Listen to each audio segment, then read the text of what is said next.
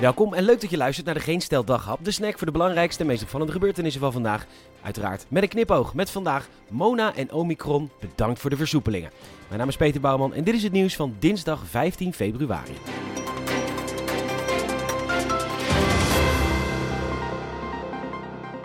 Veel coronamaatregelen gaan van tafel. Mondmaskers, QR-codes, anderhalve meter. En dat is logisch. We hebben een variant die minder schadelijk is en we zijn goed beschermd. En dus stelt de NOS weer eens een vraag in de categorie: waarom stel je die vraag? Mensen zijn niet te dom om te schijten.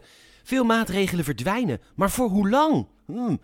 Nou, dit is dan waar je de opleiding journalistiek voor volgt. Om dit soort prangende vragen aan de kaak te stellen. En dan virologen te bellen. Meneer de viroloog, wanneer gaan we weer op slot? En dan schrijf je de hele wijze woorden van de viroloog op. Ja, als er weer heel veel mensen doodgaan aan een andere variant. Hmm, bedankt meneer de viroloog. Hier had ik echt nooit bij stilgestaan. Wat fijn dat ik fulltime goed word betaald door de belastingbetaler om dit soort vragen te kunnen stellen.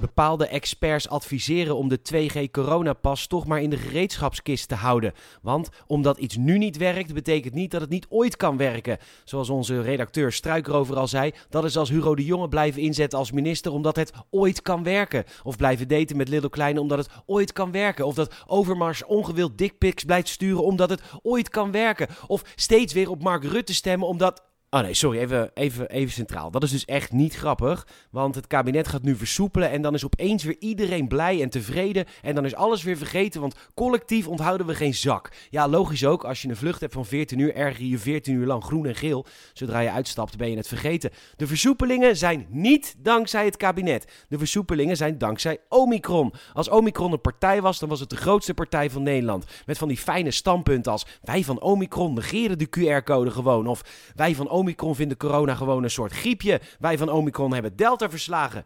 Mijn stem heb je, Omicron.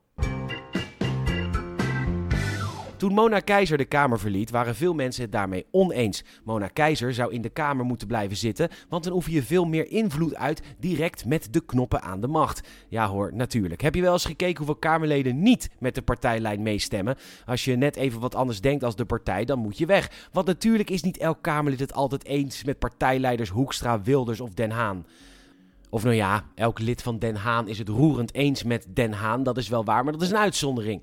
En kijk wat Mona Keizer ons heeft bewezen. Als invloedrijk persoon met wijsheid en overtuigingskracht kun je wel degelijk net zoveel of misschien meer bereiken dan een Kamerlid. Bijna 900.000 handtekeningen voor onverdeeldopen.nl en dit heeft zeker geholpen het kabinet naar versoepelingen te loodsen. Denk je echt dat René Peters, de nummer 10 op de lijst van het CDA, zoiets kan bereiken? Nee, die stemt als een laaf mee met alles. Mona heeft het goed gezien en we hebben nu al zin in de petitie onverdeeldtransparant.nl of onverdeeldeerlijkebelastingdienst.nl of onverdeeld laten we nou eens kappen met hele delen van de bevolking op kosten te jagen die het helemaal niet kunnen betalen.nl.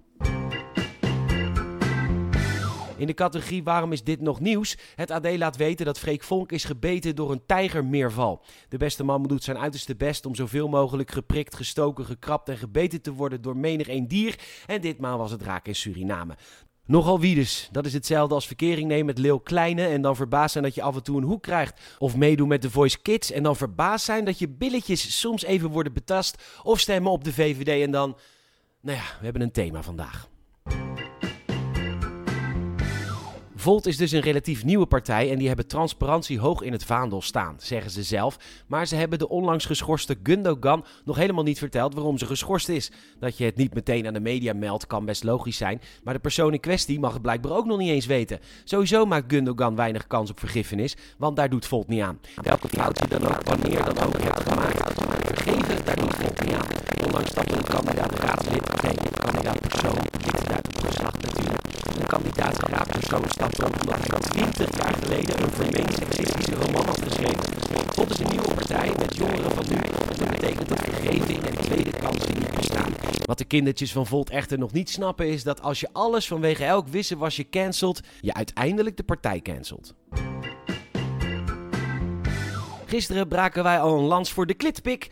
Iedereen is gelijk en iedereen moet die dingen met toestemming mogen versturen. Maar het moet er dan wel een beetje goed uitzien natuurlijk. Ik kreeg gisteren nog feedback op een dikpik van mezelf. Niet heel groot, esthetisch, wel oké. Nou, die kan ik in mijn zak steken. Voor vrouwen is er nu de vaginale vernauwingsstaaf, dat meldt HLN. Voor 13 euro krijg je seks alsof het de eerste keer is. Auw, nee, auw, fuck, nee, doe rustig Peter, godver, nee. Nou, daar hebben we echt iedere keer super veel zin in. Bedankt voor het luisteren. En je zou ons enorm helpen als je een vriend of vriendin of familiepersoon vertelt over deze podcast. Je kan een Apple Podcast review achterlaten of een hartje geven in Spotify. Nogmaals bedankt. Tot morgen.